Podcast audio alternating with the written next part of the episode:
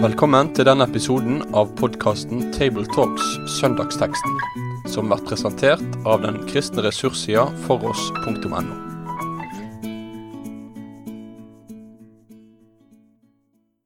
Da er det en glede å ønske velkommen til et nytt eh, opptak i Table Talks fra Bergen. Rundt bordet her sitter Jon Magne Sønstabø, som er prest i Delk. Rolf Kjøde, som er leder for strategisk utvikling ved NLA-høgskolen. Og meg sjøl, Tarjei Gilje, som er redaktør i Dagen. For fjerde søndag i adventstiden leser Rolf fra Matteusevangeliets kapittel 1, vers 18 til 25. Da Jesus Kristus vart fødd, gikk det såleis til. Mor hans, Maria, var lova bort til Josef, men før de kom sammen, viste det seg at hun var ved barn ved Den heilage ande. Josef, mannen hennar, var ein rettvis mann og ville ikke føre skam over henne. Han sette seg føre å skilje seg fra henne i det stille. Da han hadde tenkt ut dette, synte en engel fra Herren seg for han i en drøm og sa, Josef, Davids sønn, vær ikke redd å ta Maria heim til deg som kona di, for barnet som er avla i henne, er av Den heilage ande. Hun skal føde en sønn, og du skal gi han navnet Jesus, for han skal frelse folket sitt fra syndene deres. Alt dette hendte så det skulle oppfylles, det Herren hadde tala gjennom profeten. Sjå, møya skal bli med barn og føde en sønn, og de skal gi han navnet Immanuel. Det tyder Gud med oss. Da Josef vakna fra søvnen, gjorde han som Herrens engel hadde båret han, og tok Maria heim til seg som kona si, og levde ikke sammen med henne før hun hadde født sønnen sin, og han gav han navnet Jesus. I eh, denne Matteus-versjonen av eh, juleevangeliet, eller av Jesu fødselshistorie, så leser vi ikke noe om eh, Maria sin samtale med engelen. Ser vi noen grunn til det? Det har vel noe med hvordan eh, Matteus eh, Eller hvordan han skriver, da. For han begynner jo sitt evangelium med en ættetavle. Og Poenget med dette er jo det at han skal eh, gjennom denne ættetavlen så viser han jo hvordan eh, Josef er Davids sønn.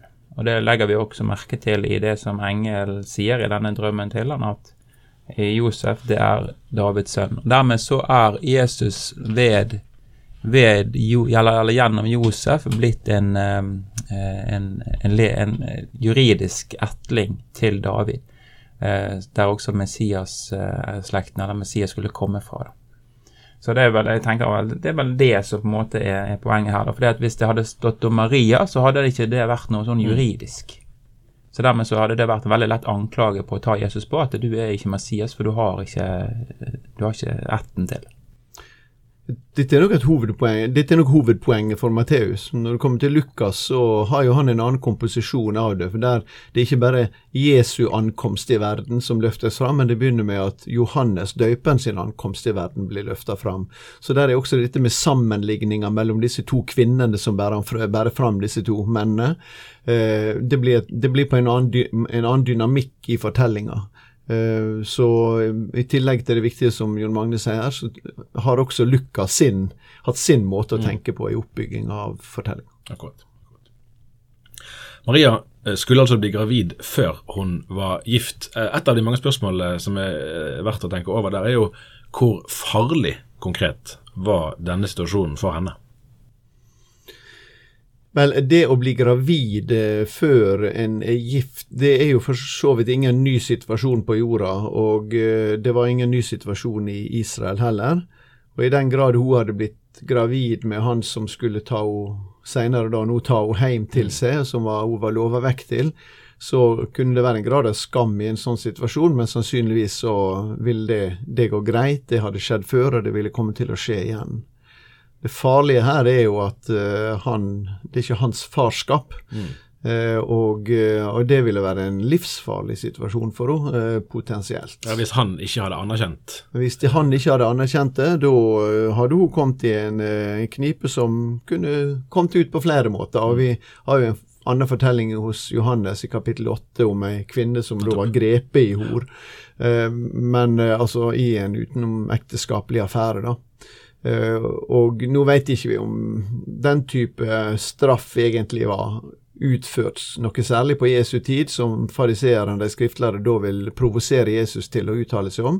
Eh, men, eh, men de forordninger som fantes i Det gamle testamentet på dette, var av en slik art at hun ville være ille ute. Nettopp. Og Hvis vi legger Lukas-fortellingen til grunn som en del av bildet, som ikke er så tydelig fremme her, så har jo hun så å si tatt imot engelens kall før hun visste hvordan Josef ville reagere. Ja da, det, det er all grunn til å mene, ja. Mm. Ja, det, det, står jo nevnt det som eh, Rolf sier, at det er jo eh, et forbud som kommer frem i, i femte Mosebok, sant? I, i Moseloven der. Der det er steining som er straffen for, for den type umoral eller, eller hor. Uh, men sånn som han sier, så har jeg leste iallfall han Kvalbein sa nå det, at, at det var nok ikke praktisert av rabbinerne. Mm.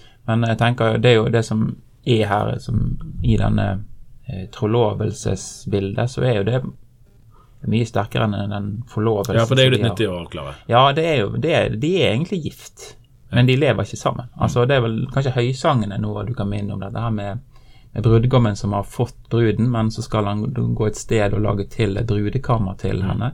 Og når det er klart, så kommer han tilbake igjen. Eh, den tiden når ingen vet det. Det kunne han så vite sjøl, da. Sånn at de, de, har allerede inngått en avtale her, så det må jo være ganske Eh, dramatisk for Josef når han oppdager det. Ja. Ja, Den juridiske pakta her eh, mellom de to, som forlova i anførselstegn, mm. ja, ja. eh, er sterkere enn en ektepakt etter norsk ekteskapslovgivning i dag. Mm. Slik at eh, det er ikke noe Det var ingen tvil om at det var disse som eh, det kom til å bli. Mm. Og på en måte var det allerede blitt. Det var bare ikke Inngangen til ekteskapet var ikke valgt ennå. Mm. Mm. Hvis vi så blir med inn i Josef sin, sin tankeverden, så leser vi at han ville skille seg fra henne i, i stillhet. Hadde det vært i hermetegn mer rettskaffent av ham å gjøre bruddet mer offisielt eller offentlig? Da legger vi til grunn at han ikke ennå har hatt uh, denne drømmen. Han gjør det jo uh, egentlig offisielt uh, når han vil skille seg fra henne i stillhet. For det, det, er vel sånn, hvis, hvis jeg har lest, så er det to måter du kan gjøre dette på. Enten en sånn offentlig der du liksom avslører den andres mm. part, eller du da må tilkalle to vitner som bekrefter denne skilsmissen. For det er jo ganske strenge regler for skilsmisse i den jødiske, mm. jødiske kulturen. Ja. Så han gjør det på en måte offentlig, men det forteller jo kanskje noe om denne mannen da som en, som en rettskaffen og en, en, god mann som også vil være en god eh, far for, for mm. Jesus eller stefader her på, på jorden. for. Ja. Ja, altså, og, og, Vi må huske på i vår type kultur at dette er en kultur der eh, spørsmålet om skam står veldig sentralt. Mm. Og han fører vanære, hun fører vanære over han ved å møte gravid til bryllups med en annen enn han. Altså mm. det, er, det, er han på en måte som blir Han er blitt vanæra, han er blitt offentlig mm. vanæra. Eh, så det er, en, det er, et veldig på en måte et, det er et veldig sinnelag hos, hos Josef i det som her blir kalt for rettskaffen. Og alternativet kunne være ganske mye verre. Men det betyr ja. jo også ikke bare at han er en, han er en rettskaffen mann, men han er jo faktisk en mann som lytter til himmelens stemme og stoler på den. Mm. Mm. Så her er jo et sterkt element av en mann som stoler på Gud ja. her. Ja, og det. Og det er, å kjenne skriftene. Så, sånn at det er også et element i tillegg til det rettskaffende som jeg syns det er viktig å kunne ha med. Mm. Men, men, ved at han tar henne til seg, så anerkjenner han jo at dette er mitt barn også. Ja. Og han fører jo seg sjøl inn under baksnakkingen og spottet, ja. og, og, også plasseringen i, i det sosiale hierarkiet, og at de taper ansiktet mm. ganske sterkt. Mm. Det kan jo være kanskje noe av grunnen til at også de flytter til, til Betlehem. da. Ja, eh, at det ikke bare er manntallet eh, som er grunnen til det. Jeg har hørt noen snakke om at manntallsinnskrivningen ikke nødvendigvis var så langt fra Nasaret, men at i den anledningen der brukte tiden anledningen til å flytte til Betlehem da, ja, ja. for å komme seg vekk fra, fra mm. dette. Riktig. Så leser vi i vers 21 eh, om uh, hvorfor barnet skulle hete Jesus, at han skulle frelse sitt folk fra deres uh, synder. Dette er jo helt sånn for å gjøre det hverdagslig. sant? hvordan kan det ha vært for Josef og for Maria og skulle forholde seg til Her har du en baby med alt det som det innebærer å ha en baby og etter hvert et lite barn i huset, og så har du fått vite noe ganske voldsomt om hvem dette barnet er. Men du skal altså være mor og far fra dag til dag og time til time. Ja, altså På søndagsskolen ville iallfall dette være minneverset. Det er jeg helt sikker på. eh, og eh, Så det er jo eh, Vi ledes jo inn i en djup symbolikk som ligger i, i, i, navnet, i Jesu navn, da, Jeshua. Uh, og som uh, Han heter det fordi han Yoshia, fordi han skal frelse, som jo er, er, er verbet her, da. Uh, han, han, er Herrens frelse. Det som jeg har lyst til å kommentere her, og så kan Jon Magne gå videre på litt av de andre tingene du spør om, det jeg har lyst til å kommentere, det er jo dette med at veldig, veldig mange jøder i dag eh, lar være å bruke Jeshua-navnet på mm. Jesus, men bruker ja. ofte navnet Jeshu. Og som egentlig er en forbannelsesformel som er sammensatt av bokstaver, som ja. betyr måtte hans navn være mm. utsletta. Ja. Så når de snakker om Jesus, så snakker de om hans navn som burde være utsletta som en forbannelsesformel. Så er det jøder som snakker om Jeshua også, men, men i, i, deler av tradisjonen så vil en snakke om han som Jeshu for å, for å, uttrykke sin forakt for det som ligger i den kristne trua. Og, og på historiske grunner så går det an å forstå mm. det, og samtidig så er det viktig med vitnesbyrdet til det jødiske folk her om at han er deres rette Jeshua, eh, han som bringer Herrens frelse. Ja, Så kan du da ta det mer som familiekompliserte forholdet her, ja. som han innleder ja, til. Ja, veldig lett å svare på det journalistspørsmålet. Jeg har ikke barn sjøl engang, så jeg kan jo ikke svare på det. Nei, altså, jeg tenker jo litt på Jeg hadde lyst til å fortsette det som Rolf snakket om, da, selvfølgelig. Men det, da tenker jeg at det, det, som kommer frem også i det som sies om, om Jesu oppgave, da, i tillegg til at han er Herrens frelse og Herrens eneste frelse, det er jo det at hva han skal frelse mennesket fra. Mm. Altså han skal, han skal frelse mennesket fra, eller folk fra deres synder. Og det er nok ikke helt sånn i, i tråd med Messias-forventningen og den kongeforventningen som de hadde, at det er det som faktisk er eh, hans hovedoppgave, at han skal frelse mennesket fra mm. deres mm. synder. Eh, og få frem på en måte det, det budskapet der.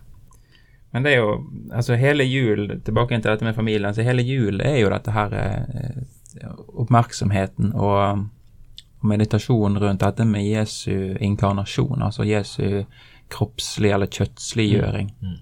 Eh, hvor stort under det egentlig er. sant? Altså Det er jo et mareritt for enhver gnostiker. At Gud kommer her og faktisk tar på seg dette kjødet og blir, mm. blir yes. dette. Sant? Uh, og jeg lå og tenkte på dette her i går, dette her med alle disse, alle disse motivene der Jesus er den gode hyrde, som vi har sett, disse barnebildene. sant? Der sitter han i denne overhvite kjortelen med mm. denne blå båndene på seg, sant? og holder på et lam. Og så tenker jeg dette er jo nesten sånn gnostisk fremstilling, for han er jo så ren og pen og sånn. Men slik er han ikke. For skal du frelse mennesker fra deres synder, så er det snakk om shit. Du tar på deg noe mm. som ikke er bra. Og det er det Kristus gjør. Han stiger ned sant, for å frelse mennesket fra deres synder. Dette lille barn. Det er jo mange barndomsfortellinger fra kan si, ut i det andre århundret da, etter mm. Kristus eh, som tegner dette idealiserte bildet av Jesu, også av Jesu barndom, mm, som yeah. former leirduer og puster på dem og gir dem liv så de flyr av gårde, og, og, alt dette. Eh, men jeg er rimelig sikker på at det var ikke den type barndom Jesus hadde sammen med brødrene eller søsknene sine, og, og, og sammen med Josef og Maria. Eh, men for dem så må jo det De, har jo, de tar jo spranget før han blir født, nei. Begge to tar spranget før han blir født. Så det vi møter vi møter ikke så mye om Jos, uh, Josef annet enn at han var, må ha vært en veldig trufast far. Uh, men når det gjelder Maria, så møter vi flere ganger f.eks. disse utsagnene om at hun gjemte tinga i hjertet mm. sitt. Hun visste mm. veldig godt at dette her var høgst, høgst spesielt. Mm. Hun visste alt om at dette var spesielt. Slik at uh, de har visst det hele tida, eh, og eh, hvordan det har virka på familieforholdet, det aner vi jo da ingenting om, men han hadde iallfall en far gående rundt ennå da han var tolv år.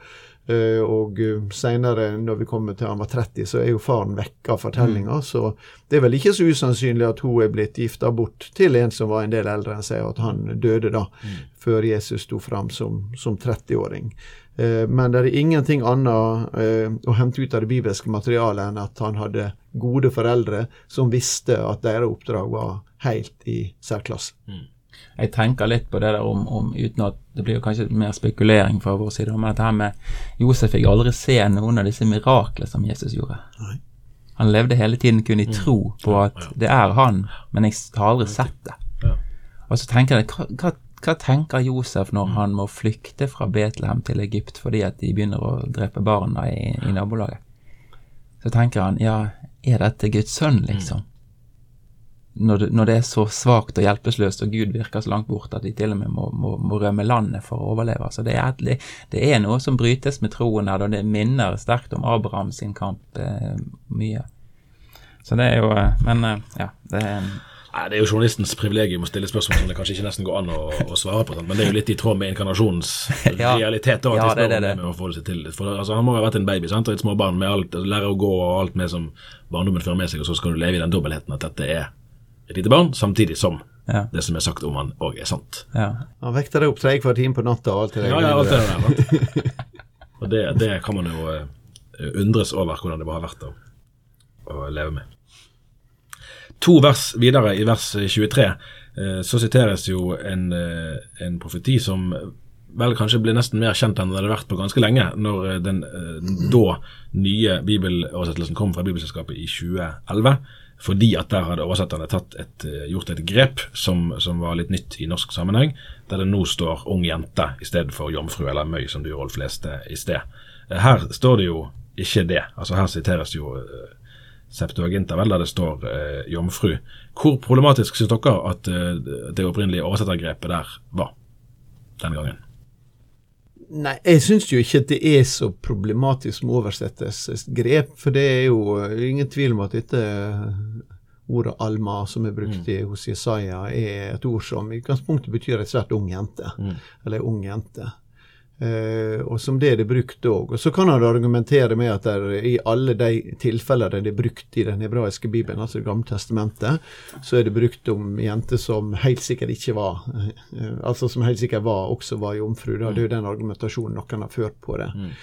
Eh, men det er et annet ord, betola, som er, som er ordet for jomfru på, det ordinære ordet for jomfru på hebraisk. da. Men du kommer til, eh, til Septuaginta, som du sier, altså den greske oversettelsen av Det gamle testamentet, så bruker jo de dette ordet parateke. Og som, eh, og som eh, også brukes her, da, eh, i sitatet. Og det betyr igjen da jomfru. Eh, slik at eh, evangelisten, når han bruker ordet her, eh, og, og i engelens budskap, slik vi har fått det videreformidla, så, det, så griper en tilbake, altså griper en til dette ordet som brukes i Septuaginta, og sånn sett understreker det som skjer med Maria. Det er ingenting i ordet alma i Det gamle testamentet som som utelukker at hun er ei jomfru. Men nå betyr ikke det ordet det spesifikt. Og så får vi dette, dette, dette illustrerer litt denne forskjellen som er av og til imellom den hebraiske og den greske teksten. Den greske teksten som brukes i Det nye testamentet, der det er gjort et oversettelsesgrep lenge før evangelistene skriver, og lenge før Paulus skriver, og likevel så benytter han seg av, den greske, av det greske rett inn i, i det greske Nytestamentet. Eh, men det er ingenting heller som Det er ikke noe i dette, verken i denne fortellingen eller andre, som betviler at, eh, at eh, Maria var jomfru. Det er nettopp poenget i Lukas 1 og 2 og i Matteus 1 og 2. Ja. At det er jomfru som føder barn. Så, og det blir sett på som en det blir sett på som en oppfyllelse av dette løftet, trusløftet som Gud ga i, eh, til kongen i Eller utfordringa til tru, det som han ga til eh, kongen i Jesaja 7. Og der kongen vegrer seg for å be om et tegn fra Herren, og så sier da Herren ja, men da gir jeg deg et tegn. Og så er det da en større sprengkraft i det enn det som vi ser ved første omgang i Isaiah 7, og som Matteus åpner opp enda større for oss. Sånn omtrent ser jeg på det åpenbaringshistoriske. Ja, ja. For det at det, han, eh, han kong Akar som du nevner i, i Isaiah 7, altså han, han fikk vel også se denne, denne unge jenten som ble med barn i sin tid. At det handler et eller annet om at den profetien der også skal oppfylles der og da. Og der, men der er det ikke snakk om en jomfrufødsel, sant? der er det snakk om nettopp at en unge, ung jente får det. sant? Men så er det også at det trekkes da inn av i Septuaginta og i, um, i Matteus her som at dette er, dette er en, en jomfru, da, at det, og at, og at det også da blir den messianske eh, perspektivet på det. Ja, og i Jesaja, skal vi si, avsnittet kapittel 6 til 12 der, altså, det er det veldig mye sterke profetier som peker framover mot Messias, så at også Jesaja 7 dras inn på en måte i dette her suget av av profetier som ligger der. F.eks. kapittel 9. Ikke sant? En, et barn er født, en sønn er sitt, herrevelde skal være på hans skuldre. Der kommer det. Og så kommer du igjen i kapittel 11, det skuddet som skal renne fra mm, Isakstubben. Ja, ja, så det, det, det, er, det er lada, en lada del av Det gamle testamentet, og der også dette i kapittel 7 settes inn i løftet om Messias. Det har sin foreløpige oppfyllelse der og da, i sin tid, men det peker enda lenger framover. Litt tilbake til, eh, til Josef eh, til slutt her. Eh, han er jo en, for så vidt en skikkelse som vi gjerne kunne, kunne dvele mer ved i julefortellingen i det hele tatt. Det er jo et ekteskap som blir inngått. Vi må kunne si det at det er et uvanlig utgangspunkt. Og, og som vi var innom i sted, at han, når han har denne, denne drømmen, så gjør han som, som uh, han har fått beskjed om. Det var jo ikke en selvsagt ting, det heller. Han kunne tenkt at så jeg tenker vel som regel at det var noe, en drøm. Ja. Det er ikke sikkert den skal styre livet mitt. Nei. Uh, og så lever han ikke sammen med henne før hun hadde født, uh, født sin sønn. Uh, ut fra det vi har, da Vi har jo ikke utførlige skildringer av deres samliv i Bibelen, men ut fra det vi har, hva kan vi si om, om ekteskapet deres? Og for så vidt òg om Josef som, som, far, da, i denne sammenhengen. Ja, si det. det er jo det er jo ikke den første Josef som drømmer. Mm. Nei, det er en annen Josef som har drømt før han av, hans, eh, av de som er tidligere i, i rekka i Israel. Eh, så det med drømmer det er jo en sak som uh, sto mye sterkere. og Dette er en god fortelling å bruke inn og, i en samtale med muslimer, der det med drømmer vil uh, ha en mye sterkere standing enn det vil ha enn det har egentlig i vår sammenheng, selv om Freud prøvde å skape liv i drømmene våre igjen. men, eller i drømmetydinga våre igjen. Vi vet jo ikke så mye om forholdet mellom disse. Som jeg nevnte i stad, så var det sannsynligvis et aldersforskjell eh, mellom dem, og det var rimelig sikkert et arrangert ekteskap.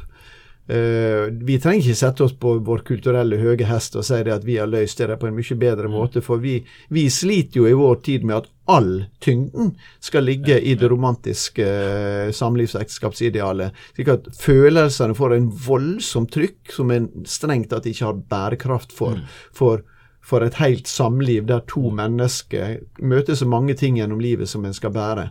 Og der du trenger mye tanke, og du trenger mye vilje. Mm. Og du trenger mye god binding av folk rundt deg som er med og backer opp om, om samlivet. Så, så, fortsatt er det jo sånn i mange kulturer, fortsetter det sånn i Israel, at barna spør sine foreldre til råds. Altså, vi som har sittet på hotell og restauranter i Israel og sett dem komme eh, med sine håpefulle der, og så gir de møte med noen som er, det er satt opp en møte for kanskje de kan passe med hverandre. Og Det er noe fint med dette der at uh, du, du, når du skal leve sammen i over 70 år som mine foreldre fikk leve sammen, så er det nyttig at du lytter til noen mennesker som kan si litt om hva det innebærer. Og Det, det sier ikke for å innføre arrangert ekteskap, men det, det, det vil jeg være imot. Men, uh, men, men, men det, element, det elementet der av å kunne lytte og, og, og det at følelsene vil ikke tåle 70 års trykk. Mm. Hvis all tyngden skal ligge på følelsene. Eh, så Vi har en historie i Det gamle testamentet med da Rebekka blir ført hjem til Isak. og Så står det at hun ble ført inn i teltet hans, og Isak blei glad i henne. Mm. og det tenker jeg at det, har, det er veldig mange triste historier om hva som har skjedd, naturligvis, med arrangert ekteskap. Men jeg tror det er veldig mange som har opplevd også dette når dette var utgangspunktet, og det var ikke noe annet som var i, i, i horisonten for hvordan det skulle gjøres. Så det vel, var det veldig mange som vokste seg sammen i et ekteskap der de ble glad i hverandre, slik det står. Skal vi si at det var en dose livsvisdom på slutten av det? Ja, han er eldst, han har rett til det. Ja. da lar vi det være alt for eh, denne gang. Takk for at du hørte på. Med det sier vi takk for følget for denne gang. Finn flere ressurser, og vær gjerne med å støtte oss på foross.no.